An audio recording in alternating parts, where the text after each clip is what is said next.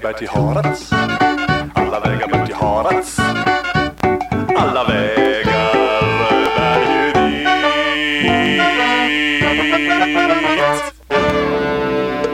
Då eh, är det ju en, roligt att det äntligen blev av Susanne Jonsson att jag får komma hit till Boden Business Park där du sitter och jobbar sedan några månader tillbaka.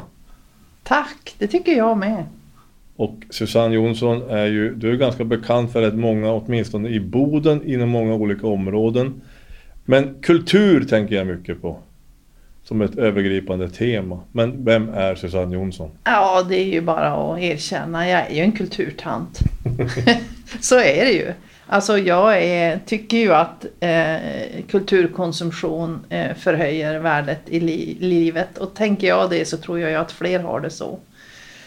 Att man får perspektiv på vem man är och var man befinner sig och kanske till och med vart man är på väg. Genom att konsumera kultur. Läsa en bok, se en film, se en eh, teaterföreställning. För mig förhöjer det värdet i livet.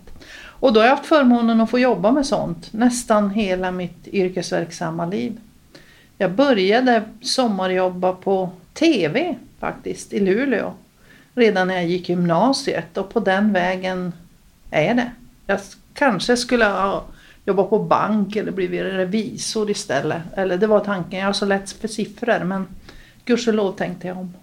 Men för när jag träffade dig första gången då var det på Filmpool Nord. Men Mm. det var ju inte där du började i alla fall. Utan du har, vad, är, vad är banan från början så att säga?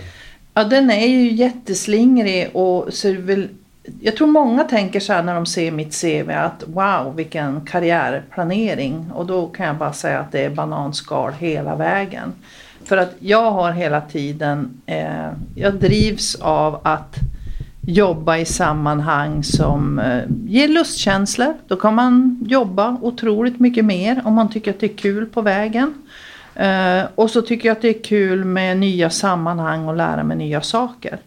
Eh, så eh, som sagt var, jag började sommarjobba på TV redan när jag gick gymnasiet. Sen har jag jobbat med radio. Jag har varit producent på eh, fria teatergrupper. Eh, och sen hamnade jag i Stockholm och då blev det Filmhuset. Eh, där var jag i, på Svenska Filminstitutet i 12 år. Eh, och sen efter det så har jag varit min egen. Jag har konsultat inom kulturbranschen. Jag har jobbat på det som hette Dramatiska institutet och därifrån så blev jag rekryterad som VD till Film på Nord och det gjorde då att jag återvände till Norrbotten 2012. Det som förundrar oss också det är att vi har ju som återvänt tillbaka hit. Och du kom tillbaka 2012 efter hur många år då? Eh, nästan 25 år Ja, var jag ifrån samma Norr. här. Ja, det är lite speciellt. Ja. Ja. Men du är ju sprungen från där du bor nu. Oh ja, jag är född eh, i Vitådalen, högst upp i Vitådalen. Fågelvägen närmare till Överkalix, men det är Luleå kommun. Och dit eh, vände vi tillbaka, back where I belong. Du har ju har gjort lite grann samma sak. Du har ju tagit med dig en stockholmare. Ja, Och jag har ju tagit hit, med, tagit hit en stockholmare. ja. Vi borde ju få någon slags diplom för det tycker jag. Ja, jag tycker faktiskt För det är ingen lätt sak Nej. att få stockholmare att flytta till Norrbotten. Nej, men nu tror jag det kommer bli väldigt mycket enklare med H2 Green Steel. Så nu kommer de att strömma hit. Ja. Vi gjorde det långt innan det var bekant. Ja, vi är banbrytande. Eller våra respektive partners kan man ju säga är banbrytande. Ja, precis. Det får man säga nu. Det var lite kul att återvända med, tillsammans med en människa som inte hade några förutfattade meningar eh, om Norrbotten och som inte hade några gamla stigar att traska i, bildligt och bokstavligt. För då kunde man också på något sätt se på sina gamla hemtrakter med, med de nya ögonen. Man fick lite hjälp liksom på Mm. vägen. Det kan jag känna igen absolut. Mm. Eh, För att man har ju kvar någon hemmablindhet i alla fall. Så en del fjäll kunde ju som falla från ögonen när man får se med andras ögon. Ja, Det tror jag. faktiskt. Och hur har han funnit sig i Vitådalen? Jo men alltså han stortrivs ju. Eh, man vänjer sig lätt vid att bo nära naturen och jag tror att det liksom skapar ett, ett behov som, jag menar han rör ju på sig och åker till Stockholm, eh, har ju vänner och, och barn där och så men tycker ju alltid att det är så fruktansvärt skönt att komma hem alltså. Eh, och jag tror att det är det där älven nedanför huset. Lugnet liksom, bara man kliver in genom dörren och tittar på utsikten så landar man. Men det, är- det lugnet är ju bra men ibland, jag vet ju att du har ju varit ganska debatterat i både i olika medier om att ibland har man ju ett lugn som man kanske inte vill åt. Nej, Eh, Radiotystnaden som råder. Ja, mobilskuggans älvdal brukar jag ju säga att vi Ja. bor i. Uh, nej men det är ju på ren, det är på ren svenska för jävligt. Och jag, det här att jag liksom hela tiden, jag förstår om folk tröttnar på mig, men att jag hela tiden liksom plockar upp den bollen igen och debatterar det. Jag, jag funderar på det där, jag tror att det handlar väldigt mycket om mitt eget sätt att tackla att jag inte ska bli kränkt av att behöva leva under de här livsbetingelserna. För på ett sätt så är det jävligt kränkande. Vi flyttade dit 2012. Vi visste att det var dålig mobilmottagning i den här älvdalen. Men tänkte ju naivt nog att nu kommer det att bli bättre. Som allting annat så blir det ju bättre liksom. Vi är ju på väg framåt. Men det har inte hänt någonting. Inte ett skit. Tvärtom. Alltså den livlina vi hade via fasta telefonin med koppartråd hos grannen ifall det skulle hända något akut och man behöver en ambulans eller sånt där. Nej men den har de ju klippt. Och inte förtäta masterna eller någonting. Så att situationen har ju faktiskt blivit lite värre. Och det här tycker jag är på ett personligt plan en slags kränkning av att vara så jävla lite värd som medborgare så att man inte ens ska ha access till telefoni, vilket faktiskt är ett lagkrav. Det finns lagtext på det. Om du är fast boende så ska vi ha tillgång till telefoni. Så då gör jag en strukturell fråga av det. Den får vara liksom politisk, det får vara liksom ropet från glesbygden som hela tiden kommer. För att det är ett sätt att handskas av att inte bara bli, bli knäckt helt enkelt. Ja, men det gäller ju samma bredband men det kanske inte är samma liv, livlina men eh, det är ju också en, en sak som ni ger utan gissar jag. Ja, visst, alltså för hade vi fiber då skulle vi ju kunna ringa via fibern. Då, då skulle jag absolut inte använda den där megafonen lika ofta och hojta om att hallå, hallå liksom. Men vad gör ni nu om det händer något? Vad gör ni nu? Då hoppas vi att det är rätt väder. Ja. Så att telefonen fungerar och så att vi kan eh, påkalla om det då är akut hjälp. Sen kan jag ju säga visar vi nära vänner och, och vuxna barn och sådär. Ja men de har ju vant sig att man ringer ju inte till oss. Nej, det vet jag. Nej, utan man meddelar sig på annat sätt. En budkavle går. Ja, röksignaler eller nej men de skickar ju, det, sms går ju att få fram för att det bryts inte på samma sätt. Sen kan ju smset komma fram tre gånger men det var ju skitsamma. Eh, eller Messenger eller sådär. Alltså, så att de hittar ju andra kommunikationskanaler. Nej, men det är klart. Ska man larma så kan man ju inte tänka på det viset. Då måste man ju ha en annan direktlinje. Jo, Men det är bra att du håller den fanan högt. För det är nog, vi, du är ju inte ensam. Nej. Eller ni är ju inte ensamma. Jag vet inte hur många som berörs av den. Vi, vi pratar väl mer om avsaknad av bredband. Vi, telefonera kan vi ju göra. Men Ja. det finns ju, jag såg något exempel. Det var väl någons mamma som hade gått bort. Ja. väl, jag vet inte om det var det du refererade till senast. eller? Jo, alltså Dagens Nyheter gjorde ju en stor eh, artikelserie om det här nu och de på, påvisar ju att mörkertalet är ju enormt när det gäller brister i kvalitativ telefoni. Och när jag säger kvalitativ telefoni då är det att man ska kunna ringa oavsett väderlek. Eh, det är en, Dagens Nyheter gjorde en stor artikelserie och som det ju ofta är när det skrivs i den stora tidningen i huvudstaden. Då liksom lyfter det ju. Så att de fick ju liksom ministrar att stå till svars och sådär. Och då tänkte jag att nej, men nu får man haka på. När det liksom för en gångs skull blåser åt samma håll som man själv ropar. Och, då skrev jag en ny krönika, i, gästkrönika i NSD om det här. För du skriver ganska mycket i NSD. Jag har det sedan några år tillbaka som ett... Eh, jag fick en förfrågan av Olof Abrahamsson som är redaktör för ledarsidan i, i NSD. Att, eh, om jag kunde vara en stående gästkrönikör. Och så får man förnyat förtroende varje år och hittills så har jag fått det. Och jag tycker, jag bara tackar och tar emot. För är man en människa som tycker och tänker saker så är det ju fantastiskt att få en plattform för det. Men kring det här med just nu kommunikationen och som berör fler med både bredband och telefoni. Känner du att du får något, får du något gensvar eller tar du skruv? Träffar du något? Det är väl politiken som måste beröras också, eller Ja. framför allt. Det är påtagligt att det finns en beröringsskräck när det gäller den här frågan. För alla fattar att det kommer att liksom svida i plånboken när man ska göra något åt det. Har du avreglerat en marknad och du märker att de kommersiella aktörerna inte är beredda att betala, höll jag på att säga, till slutkund ända, ända längst upp i den här älvdalen där vi bor. Så fattar man ju att det måste in offentliga resurser för att kompensera det. Det har man ju inte riktigt liksom tagit höjd för. Och det kommer att kosta. Så att det är en beröringsskräck. Och jag, jag fick ett gott råd utav en god vän för många år sedan. att när du har skrivit något eller liksom gjort ett offentligt utsjung och det blir himla tyst runt omkring dig. Då ska du vara helt säker på att de har läst.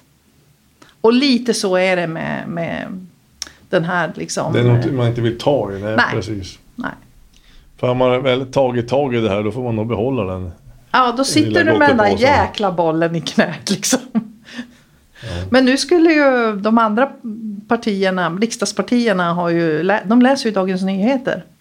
Ja, så- ja. så att- inte NSD i lika hög grad. kanske. Jo, nej, inte NSD lika hög. Men de läser Dagens Nyheter. Så nu har de ju faktiskt kallat eh, eh, Ibrahim Baylan till näringsutskottet för att hålla ett för, förhör om just om den här frågan. Att det här är ju oacceptabelt. För sitter du i opposition så är det mycket lättare att säga att Ja. det här är fel. Det är lätt att sitta i opposition.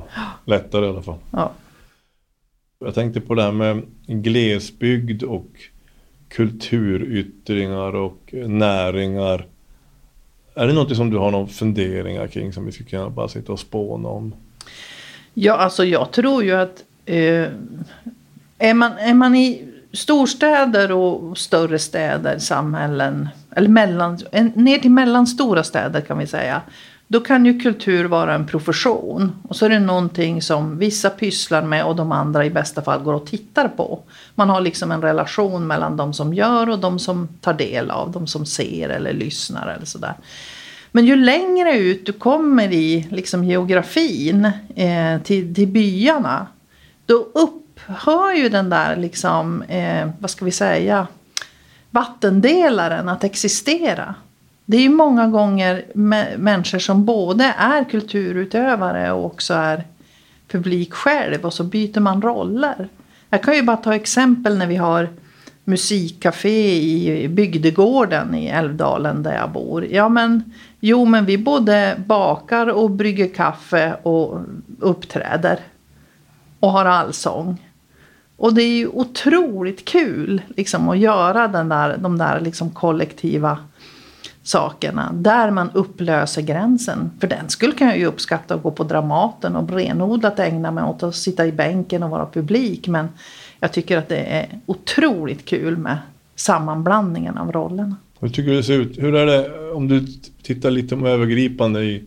Ja, nu har du din älvdal, nu har jag ju min älvdal. Men hur ser du det här året som har varit då? Har det, varit, det är klart att det är en ledande fråga. Det var egentligen nattsvart. Men, men, men eh, tror du att man har fått ett mer medvetande om att, att kultur är någonting som att vi liksom vi behöver det fast vi kanske inte vet om det. Förstår du vad jag menar? Ja. Och jag tror att det gäller eh, flera saker, men inte minst kultur. Har man liksom varit tvungen att, alltså frånvaron blir väldigt påtaglig. Herregud, vad är det jag saknas? Vad är det som saknas mig? Jo, men det är att kliva ut hemifrån och göra grejer, uppleva saker tillsammans med andra människor. Så enkelt är det ju. För vissa är det ju naturligtvis allsvensk fotboll de har saknat mest. Det får vi ju respektera. Men jag tror att eh, för väldigt, väldigt många så är ju liksom den gemensamma nämnaren på det kultur in, på något sätt. Antingen att man gör tillsammans om du är med och spelar eh, teater eller i en eh, musikgrupp eller, eh, eller att du också går och tar del av som om man då säger traditionell publik. För vi behöver ju samlas och mötas. Ja. Det är väl egentligen det det handlar väldigt mycket om. Ja, och, det, och, och vad, det, vad den liksom vad den livskvaliteten egentligen tillför och består i. Det tror jag den här pandemin på något sätt har ringat in. Att hur viktigt det är. Jag menar egentligen har jag ju, i formell mening har jag allt jag behöver hemma. Jag kan äta och jag kan sova. Och jag kan liksom göra väldigt mycket saker. Men, men vad är det som saknas? Det Nej. blir ju aldrig någon förhöjning av alla de här upplevelserna om du inte får dela det med någon. Ja, det är ju svårt. Jag, jag kände som... Många var ju tappra inom alla olika områden att sända ut sina budskap på, på en skärm. Ja, Och eh, tappra försök gjordes och, och man ville väl och alltihop. Men att sitta framför en dator kanske och, och insupa en konsert eller en, eh, ett viscafé eller vad som helst. Ja. Det är ju inte riktigt nej alltså ett jag, surrogat. Ja, det är ett substitut alltså. Och jag tycker ju att det blir, nu är dels för, för min egen del så sitter jag vid datorskärm hela arbetsdagarna. Så det är ingenting jag trånar efter när jag är ledig. Och, och jag tror att det också att man kan ringa in att det finns en energi. När man är i samma rum. Som saknas när du skärmkonsumerar. Jag fick en, ett sms. Du fick ett sms ja. Lillo dig. Jag ska slå av det här eh, smset så att det inte låter så mycket. Det kommer ett till. Så, nu är det borta. Det var inte redaktören som ville ha någon. Nej, Input inte, på samtalet. inte komma in. Nej, de har, jag har ingen, de har ingen lur i dit. Hon vet inte vad vi pratar om. Nej. Eller de, hen, Ja, gruppen. ja. Den stora redaktionen bakom Alla vägar bär till Harads. Ja. Jag tycker det är förresten bara som fruktansvärt fyndig rubrik på den här podden. Man blir ju på gott humör bara man hör det. Därför att det stämmer ju också. Alltså för min egen del kan jag bara säga att på något jäkla sätt hamnar man ju ändå alltid i Harads. Ja, på något sätt. Ja, minst en gång om året. Och jag menar då är det ändå en ganska stor omväg för min del. Men nog hamnar man i Harads. Det kan hända. Nästan så vi borde göra en ny väg. För Fågelvägen har vi rätt nära. Jo, jo. Det är lite berg, berg och skog Ja, emellan. ja. Susanne, just nu, vad är det du gör just? Vad gör du nu? Jo, varför sitter jag i Sävast? Varför sitter du i Sävast Ja. Jag sitter i Sävast därför att jag har ett tillfälligt uppdrag åt en eh, statlig myndighet som heter Kulturrådet. Som har fått massor av pengar av regering och riksdag för att lindra eh, krisen inom kultursektorn i Sverige. I vid bemärkelse. Så jag är med eh, och eh, en, en i gänget som då tar hand om de här pengarna och försöker se till att de hamnar eh, hos de som behöver det mest. Eller har rätt till det. Och alltså det är lite intressant för att jag skulle ju aldrig kunna bo här och söka ett jobb på en statlig myndighet i Stockholm. Som finns vid Gärdet i Stockholm. Och, liksom, och tänka att eh, jag ska bo kvar här. Då är man ju naiv eller lite dum i huvudet. Om man skickar in en sån ansökan. Men faktiskt tack vare pandemin så var ju det fullt möjligt. För vi är ju flera som jobbar åt Kulturrådet som inte sitter i Stockholm. Och jag, häromdagen så var det ett eh, pressutschung på den här omgången pengar som har gått ut. då. 1,4 miljarder, så det är inga småpengar Nej. vi pratar om. 1,4 miljarder är fördelat i krisstöd till kulturen.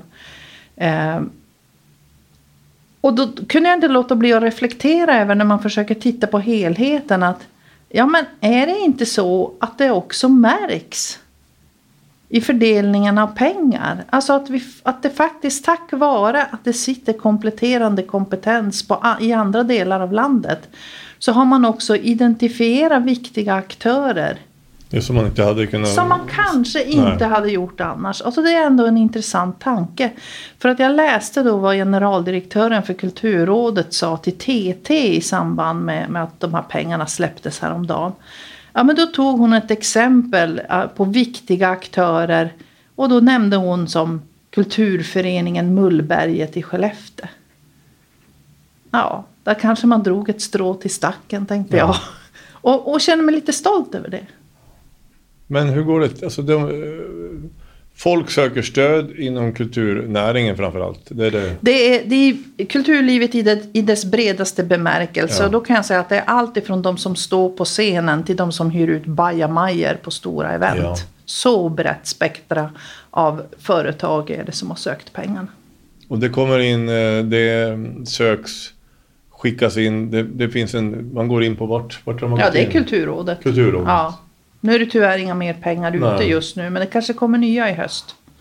Kulturministern har Men är redan... de slut eller finns inga mer som söker? Eller? Nej men nu är det slut. Vi har fördelade vi har just nu. Men kulturministern har påannonserat att eh, man vill eh, pytsa in ytterligare 700 miljoner drygt tror jag i höst. Men det här är de här pengarna som också har blivit lite debatterade kring att en del som till synes inte är särskilt eh, dåligt stad vid kassa har kunnat få medel. Det är samma, det är de här, det är samma Jajamän. påse. Ja, ja det är det. Och, och gjordes det fel från början eller var man, har det varit svårt att veta vem är det För jag menar om vi tar någon stor artist, nu tror jag bara jag vet inte vad hon heter, Pirelli. Charlotte Perrelli. Ja, hon var med tror jag. I, Okej. hon, jag tror hon pratade om henne i alla fall. Men hon har ju då väldigt mycket folk kring sin, det är ju liksom inte bara en. Nej. Har vi då en eh, Sara Trubadur, hon har ju gitarren av sig själv. Mm, mm, mm. Men samtidigt kanske då Sa- Sara inte får några pengar för att... Alltså det är en, en komponent vid eh, fördelningen av de här pengarna. Utan att nu kommentera Charlotte Perrelli för jag har inte sett den ansökan. Men det är ju att det är viktigt att bedöma hur mycket arbetstillfällen som berörs. Ja. Eh, För det är ju inte på något enkelt sätt bara att det är den personen som står på scenen som Nej. jobbar med Men det här. menar, utan, det är nej. stor- Så att det är, det Det är, är, en en arbetsgivare i sig på Ja, sätt. exakt, Ja. exakt. Det snurrar ju otroligt mycket folk runt Ja. omkring dem. Och det tycker jag är en sån här bonusgrej för Kulturrådet och kanske för många andra att verkligen få syn på hur otroligt mycket kompletterande kompetenser som behövs för att göra saker. Jag menar, du vet det ju. Du har ju jobbat bakom scenen så att säga. Man är ju aldrig bättre än vad scenteknikföretaget som är inhyrd tillåter oss att vara. För det spelar ingen roll hur bra du sjunger eller spelar om det låter skit för publiken. Så att det, är, ja, det är viktigt att alla, alla status liksom på något sätt erkänns i, den här, i det här pusslet som det ändå är. Men det är svårt nu. Jag har ju många vänner och bekanta inom kultursvängen. Musis, musik, musiker och skådespelare och bara även bakom de som jobbar med tekniken. Och det är ju, många kommer ju inte riktigt klara det här Nej. hela vägen. Eller? Nej. Nej, och alltså, även om det är fördelat mycket krisstöd från Kulturrådet så eh, du har helt rätt. Alla kommer inte att klara sig på andra sidan av den här pandemin. Samtidigt kan jag se många, eh, jag menar bara här i Norrbotten, just på tekniksidan som kanske har haft sin bas i kulturverksamhet. Men som har snott om och gör konferenser och jobbar åt näringslivet och sådana saker. Det är förmodligen inte lika kul, men de har i alla fall en överlevnadsstrategi. Mm. Lite åt, jag tänker lite, det är de här grupperna som jag tänker, det är ju restaurang och kulturarbetare. Det ju många andra, men jag kommer inte på dem. Men det man hör mycket drabbas är ju, är ju den, de grupperna. Ja, Det, ja, som, det som rör det vi vill besöka. ja. Det som förgyller våran Det som tillvaro. förgyller våran tillvaro är det som får stryka på foten. Ja, visst är det Eh, så. och då... Det är det man tänker också, att man vill ju att, att när det här är över, nu ska vi ut och nu ska vi gå på restaurang. Nu ska Mm. vi, har vi nu kunnat spara lite pengar för att så måste vi ut och, Mm, och slösa på det. mm.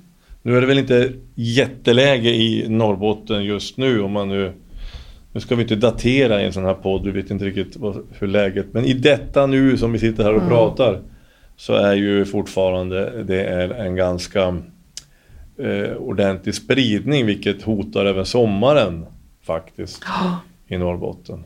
Det, och det, det är en ganska tuff tanke tycker jag. Att hela sommaren 21 också ska bli ett, en, en enda stor karantän. Liksom. Det, ja, det, det tar emot mentalt. För man hade ju sett fram emot att bara kunna börja röra på sig och åka på lite arrangemang och titta på folk.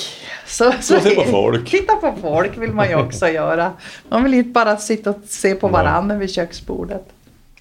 Eh, vi ska ju ha en visfestival vi, på, i sommar, är den ju planerad den 10 juli och det kommer ju då utifrån de rådande restriktionerna.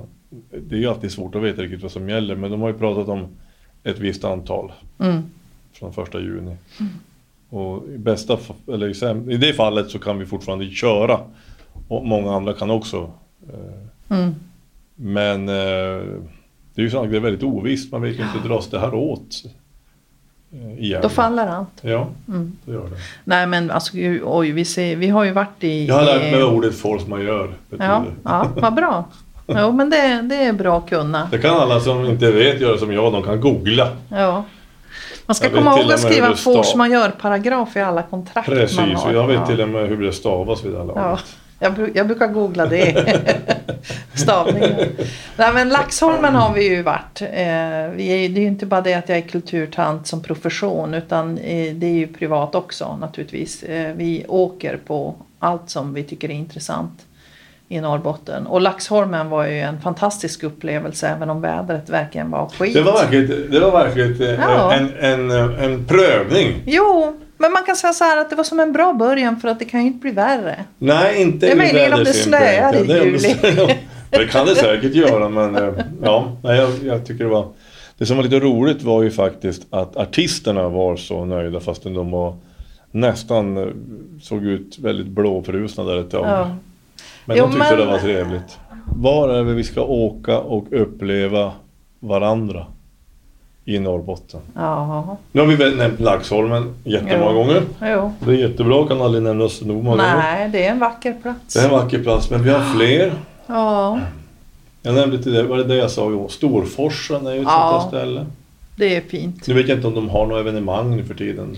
De har ju haft konserter ute där på klipporna. eh, Men det vet inte jag om de vågar. För problemet är ju, ur arrangörssynpunkt och, och det du nämner, är ju att för många så är det ju så lång planeringstid. Ja. Så att de vågar inte, de har inte hunnit och vågar inte liksom steppa upp. Det är ju de lite mindre och mellanstora arrangemangen som kan bubba om tror jag. Och de som vet att de ska vara ute från första början liksom. Det är ju, jag tycker inte man ska missa Norrbottensteaterns sommarturné med Molière. Alltså det kan bli riktig godis, teatergodis. De kommer att komma till Harads de också. Nej, Ja. Harads igen! Ja. Alla vägar bär till Harads. Alla vägar Även värt för den inbillade sjuke. Ja, gud vad roligt. Lillo Harads. Ja. Ja. Nej, så det, det, den, kommer, den kommer jag inte att missa. Sen brukar jag, jag tycker det är jättefint att åka till eh, Strömsund. Som ligger vid E4 när man har passerat Råneå och är på väg mot Töre Haparanda hållet. Precis efter Råneå så kan man ta in liten, liten bara sväng från E4 in till vänster så finns det någonting som heter Strömsund.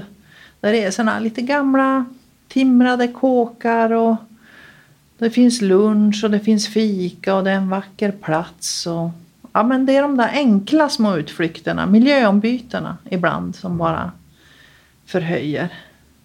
Jo. Nej men sen är det ju, det är ju ett faktum att alla de här liksom lite större, vad ska man säga, stadssommarfesterna är ju inställda. Mm. Boden är live och den i Luleå vad den nu skulle heta och eh, Kiruna och Kalix det är väl också in. Men för mig personligen är inte det liksom, det tror jag är värre för yngre människor. Jag är nog mera en sån där som åker på visfest i Laxholmen. Ja. Jag är ju ändå inte sådär som vi gillar att trängas så himla mycket så att den tiden är som förbi. Men det är trist för alla Jo. ungdomar och alla unga vuxna som liksom gillar den typen av arrangemang. Men nu när du har delat ut, nu, nu när du har börsen din är tom. När är den tom? När ska du, när ska du sluta med det här då? Alltså börsen är ju tom nu för Ja. sista omgången bes- beslut gick ut igår. Men jag ska fortsätta att jobba åt Kulturrådet till sista augusti. För att nu är det ju, eh, jag höll på att säga, om man ena dagen är med och är snäll och beviljar pengar. Så måste man ju också ta ansvar och dagen därpå vara beredd att ta emot eh, klagomål från de som inte har fått. Så det är ju ganska mycket jobb. Ehm, Vad är det för klagomål? Är det via mail eller det formulär man ska fylla i? Nej, det, de, de ringer och mejlar. Ja. Så du får så- mycket sitta telefon nu också? Ja, men nu, först, det är mest mejl som kommer. Men så brukar jag förvåna både mig själv och framförallt de som har mejlat till Kulturrådet genom att nu och då ringa upp istället. För jag kan bli så trött på detta liksom mejlande för då måste man också förhålla sig till ett formellt myndighetsspråk.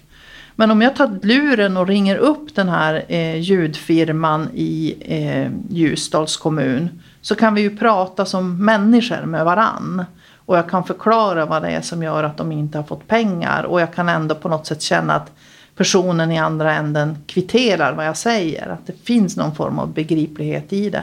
Sen har ju många rätt att vara besvikna och förbannade och till och med förtvivlade. För att för, för, för somliga kan det ju betyda konkurs. Ja, för det, det, det låter ju nu där efter jobbet som du har, det låter ju inte helt trevligt alla gånger. Nej, inte alltid igenom. Det är ju som att liksom börja meddela en dödsdom för vissa. Ja, och för andra kan det ju vara att man är tvungen att göra något annat. Men sådana vägskäl dyker ju upp i, i livet, höll jag på att säga, med eller utan pandemi ändå kan det ju göra. Så att, Men har de här ja, ja. samtalen kommit igång? Har det börjat, är de i full gång? Alla Jo då. som, är, jo då, det är som vet att gång. nu är det kört? Ja, ja. Det är, så det, det är den typen av jobb vi sitter med nu. Det är ju inte bara jag, vi är ju ett helt gäng som sitter och tar emot den typen av... Alltså av, i, i på, riket? Ja, på Kulturrådet. Kulturrådet. Ja. Hur, många, hur, många gran, hur många är ni och vad, vad, vad är det ni är för något? Ni Ja, är vi, vi, vi är en en, krisstödsenhet. en krisstödsenhet? Ja, på. Kulturrådet. Som är en tillfällig avdelning Mm. inom Kulturrådet och så småningom ska ju den avvecklas och allting ska bli normalt. Men vi får väl se när det blir. När, Ja. när den där normala kommer. Men du är fram till augusti Jo, ungefär? som jag vet nu så är jag fram till augusti. Men alltså apropå hur kul är det? Men alltså jag, jag tror också så här att jag har ju varit chef och i, eh, vad ska man då säga, arbetsledande position några vändor i mitt yrkesliv. Och jag tror att jag är lite tränad på att skilja på sak och person.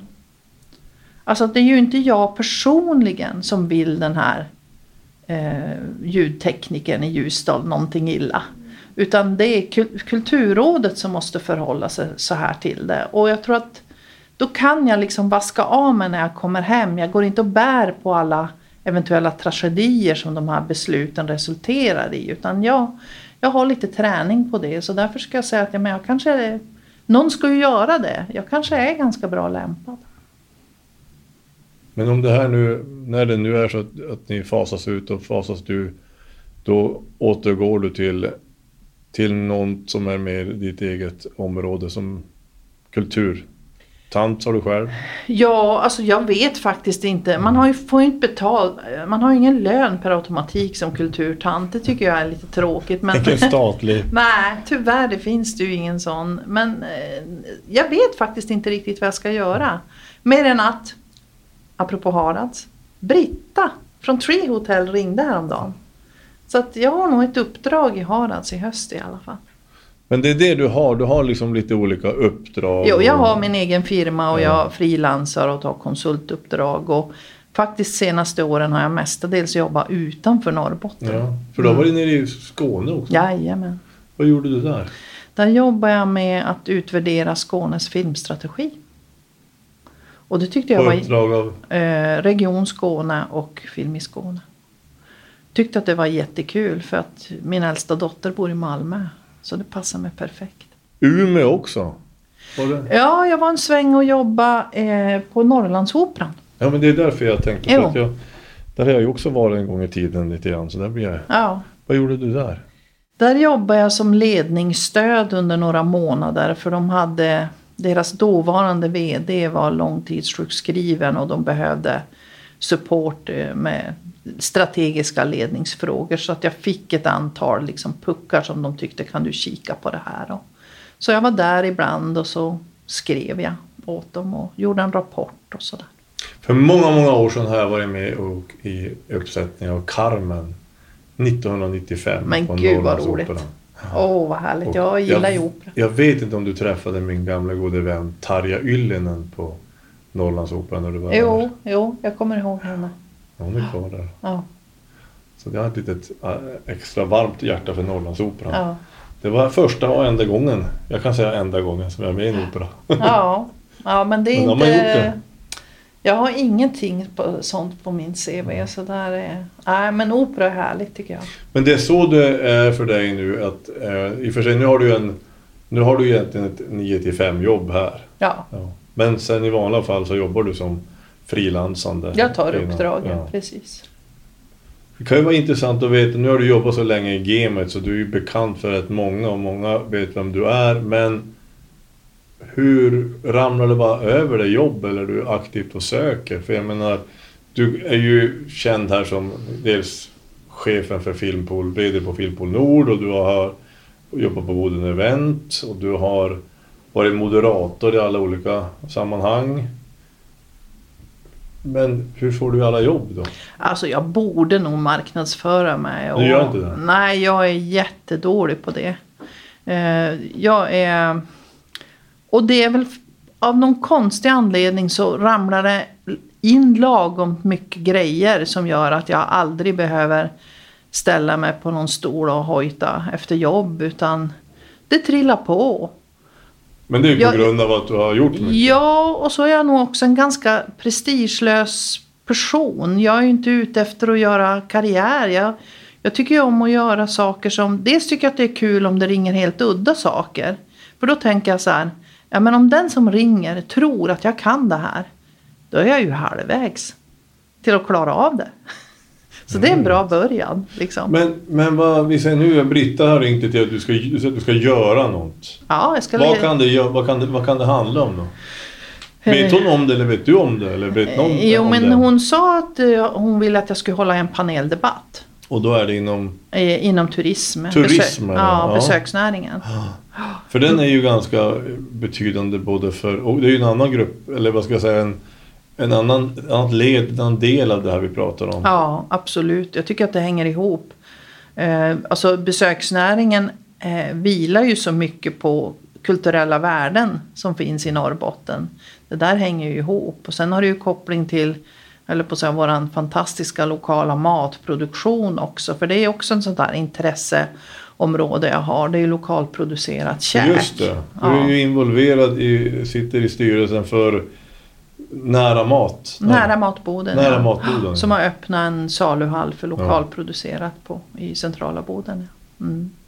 Jag ska jobba där imorgon. Där står du i butik. nu. Jajamän, då leker jag affär på riktigt och förkläde och allt. Det, jaha. Men, men jag, åter till det här med turism. Du ska prata föra en paneldebatt. Är det, då kan man säga att då är du moderator då, Ja, i det fallet. jag leder och fördelar ordet. Ja, Och det där har jag en... Det är ju ingenting jag är utbildad för. Men jag började fuska för många, många år sedan. Och sen så har det liksom genererat nya uppdrag. Eh, Och eh, jag tycker att det är kul.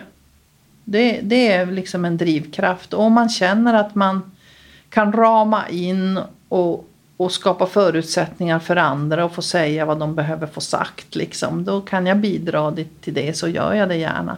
Sen är det en fördel om ämnet är någonting jag själv är intresserad av. komma Man till. blir bättre som moderator Ja. då. Jag kan tänka mig det. Ja. För Och du här- brinner kanske mer för den, frå- de frågorna som då kommer att handla än om man skulle bara prata renodlat, eh, eh, vad ska jag säga, näringsliv. Ja, om, alltså är det en paneldebatt om startups? Förlåt. Men alltså det är ju ett sånt här modeord som jag har lite svårt för. Vad är det för fel på nyföretagare? Det har det ju hetat i alla tider. Jaha, jag, visste, jag, jag, jag tänkte att jag skulle hinna googla det där ordet nu men då jag går till torgs med att jag inte visste att det hette startups. Ja, men det är det man ska säga Ja, nu okej. Johan. Men jag eh, jag tycker att vi ska våga vägra startups. Mm. Ja men jag, jag, jag vågar, jag vågar. Ja. Alla dagar i Det veckan. finns så mycket floskelspråk och jag, Ja. jag, är, jag blir lite för generad om jag ska hålla på och Jag, säga. att, jag har tänkt på ett ord som jag har tänkt att, som jag tror är lite inne nu. Men det är ordet inspel. Mm. Är inte det något som har kommit lite på sista tiden med alla de här debatterna och när man pratar om, när man har, eh, ja, allt från eh, Teamsmöten till eh, live. Att man säger, vilket bra inspel. Mm. Eh, kommer några inspel. Det har jag tänkt på. Det fanns väl inte förr? Inte på samma sätt. Nej. Och jag, jag, jag tolkar det som att det är ett sätt att distansera sig. Man behöver inte mena på fullt allvar det man säger för det, det är bara ett inspel. Ja. ja men det är det det är. Det, är liksom, det har en funktion. Det är ungefär som själv och ensam. Det betyder inte samma sak om jag är själv eller om jag är ensam. Nej. Det det distanserar sig Ja. lite från känslan när man är själv. Ja, ja. Ah, då vet vi det. Inspel. Mm. Lägg det på minnet, säger jag rakt ut till etern. Jaha ja, så då, då är det ju så. Men nu kommer vi in på väldigt många sådana här eh, områden som känns inte särskilt kulturtantiga om jag nu har... Men, men det är allt från saluhall och det är från att vara moderator och åka ut i glesbygden och prata om näringslivet pratar jag inte om utan jag menar om besöksnäringen. Eh, och besöksnäringen är ju stor och viktig och har ju också lidit en hel del. Men vad, hur ser du på... Du nämnde det här med att du tyckte att det hänger ihop, kulturen och besöksnäringen. Men hur ser du på besöksnäringen i, här uppe? Ja, men det är ju en otrolig potential. Alltså om man tänker på vilka områden vi ändå förfogar över. Alltså det, det här är... Norrbotten är ungefär 25 procent av Sveriges yta. Och det bor mindre folk här än vad det bor på Södermalm i Stockholm. Eh, och alla de som bor för trångt, så att säga, de önskar ju och längtar efter att komma till platser där man ser horisont. Där man ser mer träd än folk, som jag brukar säga. Och bara ur ett sånt enkelt faktum så har Norrbotten en otrolig potential att vara en sån plats. Så, så eh, det handlar ju om liksom eh, påhittigheten och jag tror enda dilemmat för en fortsatt liksom expansiv och kvalitativ utveckling. För vi ska ju inte ha liksom några Skara sommarland i Sarek. Det är ju inte det vi pratar om. Utan Nej, vi, vi, pratar om att liksom till, tillvarata med kvalitet. Det är ju att vi är lite för få för att ha tillräckligt många entreprenörer som, om man då säger vidareutvecklar det här på ett bra sätt. För det är ju, det är ju hårt jobb. Det är ju inte så himla glamoröst alla dagar. Alltså. Det tycker jag Britta i Harads är så bra när det gäller den typen av... Hon, hon berättar ju som det är. Nu står de ju här med succén och fina internationella priser och, och allt så. Men eh, det har funnits andra tider. Mm. Det kommer andra tider. Mm, Och vi är ju också i en väldigt speciell tid nu. Mm, jag tänker också på det här med mervärdet. Om vi nu säger att, eller säger, nu är det ju på gång en etablering av något som är nästan som en världssensation i alla fall, åtminstone i, i landet Sverige, världssensation. Och det är ju eh, att göra grönt stål i Boden, ett stålverk. Mm. Eh, och det är naturligtvis väldigt nära Harads blir ju det. Det är 40 minuter ifrån knappt. Och då tänker jag så här att ska man då locka hit så mycket folk som behövs för att jobba. Man pratar om 1500 direkta arbetstillfällen. Eh, Det är hiskelig mängd på en, på en stad som Boden. mm. Och de finns liksom inte där Nej. idag utan de måste komma någonstans ifrån. Och då tänker jag nu för att eh, föra hur jag känner det är att alla de här sakerna som besöksnäring och kulturliv och eh, arenor, eh, skolor, allt det här måste ju vara attraktivt. Mm. Och inte minst kultur. Mm. Och där är ju en väldig utmaning och jag undrar hur ska vi, tror du, tror du politiken som måste vara involverad där saker som av den här digniteten ska, ska arrangeras och ordnas. De måste ju vara med på det här tåget och förstå att det är inget, det är inget liksom eh, mumbo jumbo utan det är på riktigt. Det är på riktigt ja. Nej men det där kan oroa mig jättemycket. För att eh, vi har ju pratat i, i, i decennier eller kanske egentligen under hela mitt vuxna liv eh, har ju Norrbotten pratat om att vi måste bli fler. Vi måste öka vår attraktionskraft. Vi lider kompetensbrist. Vi behöver mer arbetskraft. Och det är ju ett faktum att här nu för tiden finns det ju knappt någon arbetslöshet i Norrbotten och relativt pandemin som har slagit hårt i många andra delar av landet och Europa och världen så har ju Norrbotten gått ur den aspekten väldigt skadesfria och det, det är ju helt enkelt, vi är ju för få. Ja. Det är ju dagens sanning. Och jag kan ju tycka att, att man hela tiden jobbar efter samma recept när det gäller att skapa attraktivitet.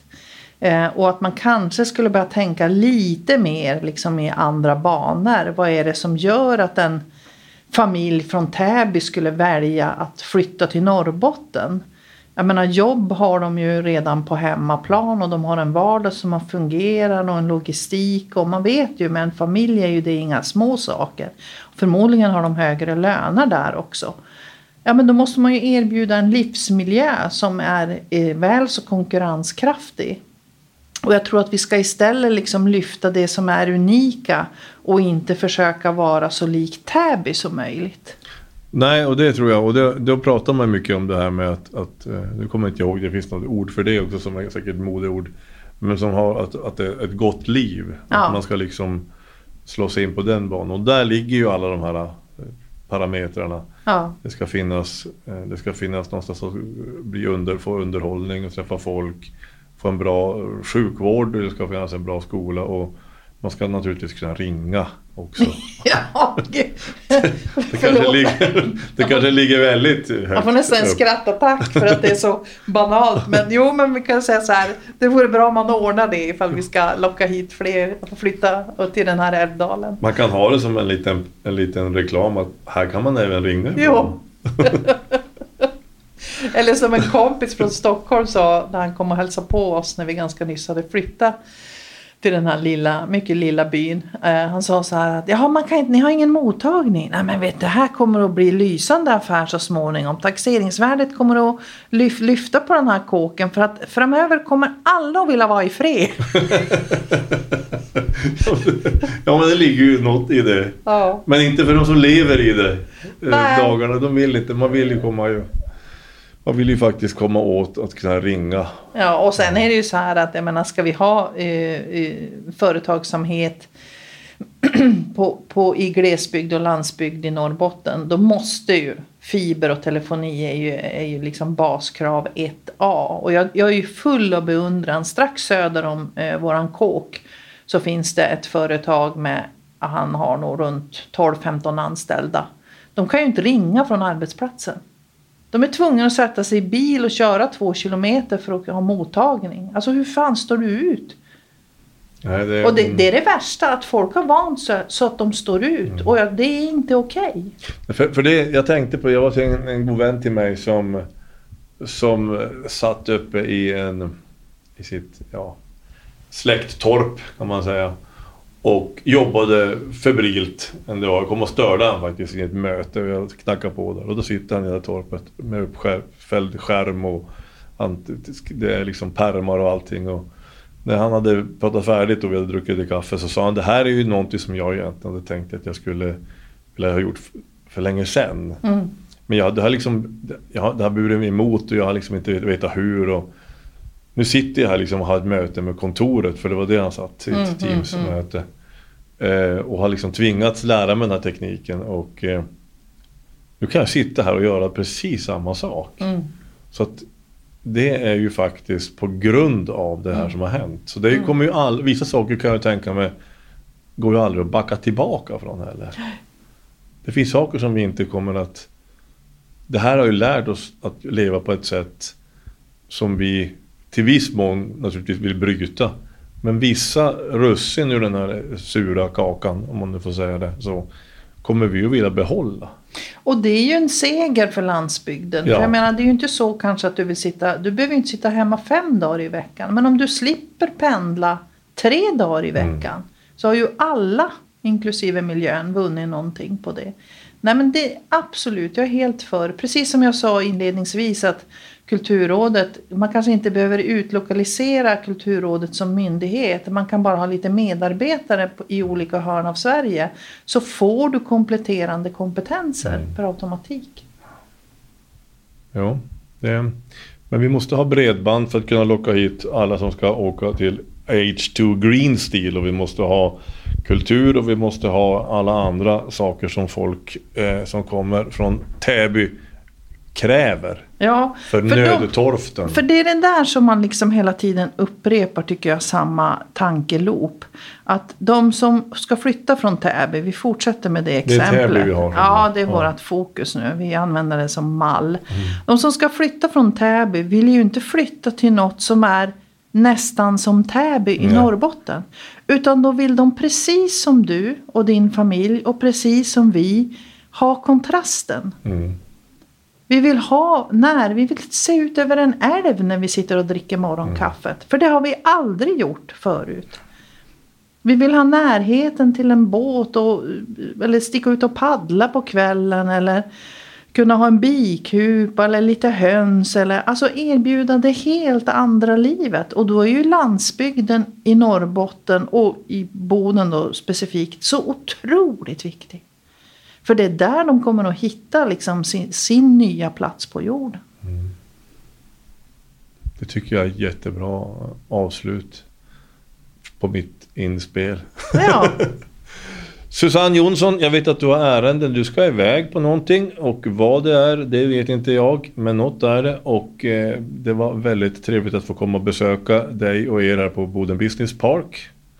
Och välkommen tillbaka till, välkommen till Harads i höst. ja tack. Jag kanske, Eller innan vi, dess. vi kommer nog innan dess. Ja, vi har, Alltså- en, vi har en visfestival. Vi- Ni har en visfestival. 10 juli. Jag säger det nu ifall Ja. det missas.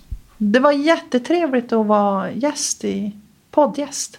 Det var premiär för min del. Det var mycket trevligt att ha det här. Tack så mycket. Tack.